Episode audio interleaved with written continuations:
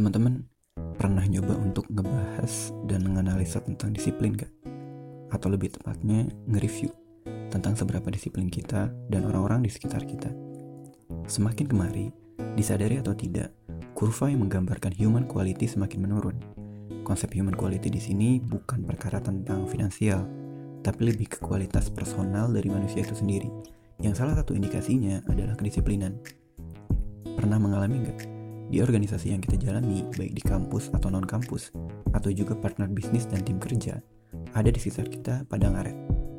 Atau bahkan mungkin kita sendirilah yang menjadi subjek ketidakdisiplinan. Janji jam 10, eh baru pada datang dan kumpul jam 11. Janji mau berangkat jam 7, baru pada ready jam 8, dan masih banyak lagi. Tanpa disadari, sebenarnya itu menggambarkan bagaimana kita menghargai waktu, juga menghargai orang lain yang mempergunakan waktu, terlepas dari alasan apa yang menyebabkan kita jadi manusia ngaret. Semakin kemari, orang-orang yang benar-benar bisa disiplin dan on time rasa-rasanya semakin berkurang. Kebanyakannya malah sering terlambat, ngabari dadakan, nge-cancel tiba-tiba, dan masih banyak lagi. Padahal, dengan ngaretnya kita, banyak pekerjaan yang bisa jadi tertunda, pencapaian yang tidak optimal, atau lebih buruknya lagi, ada orang lain yang dirugikan dengan harus nunggu kita. Bisa jadi waktu yang mereka pakai untuk nunggu kita bisa dipakai hal lain yang lebih bermanfaat kalau kita bisa on time. Kira-kira salah siapa? Apakah teknologi?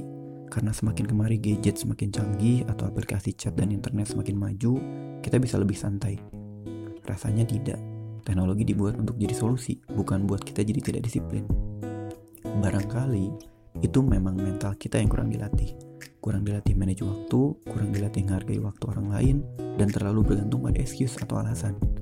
Padahal, masalah yang ada di sekitar kita sangat banyak, dan masalah yang sangat banyak itu akan bisa diselesaikan dengan optimal jika kita terbiasa disiplin. Dan juga, untuk seorang muslim, bukankah menepati janji adalah kewajiban?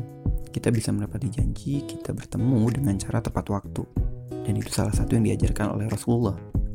Rasa-rasanya Muhammad Al-Fatih, secara syariat kalau tidak disiplin tidak akan bisa memanage pasukannya untuk bisa menaklukkan Konstantinopel. So, yuk pemuda, jadi lebih disiplin. Ada banyak peran yang mesti kita ambil, ada banyak tugas yang mesti diselesaikan.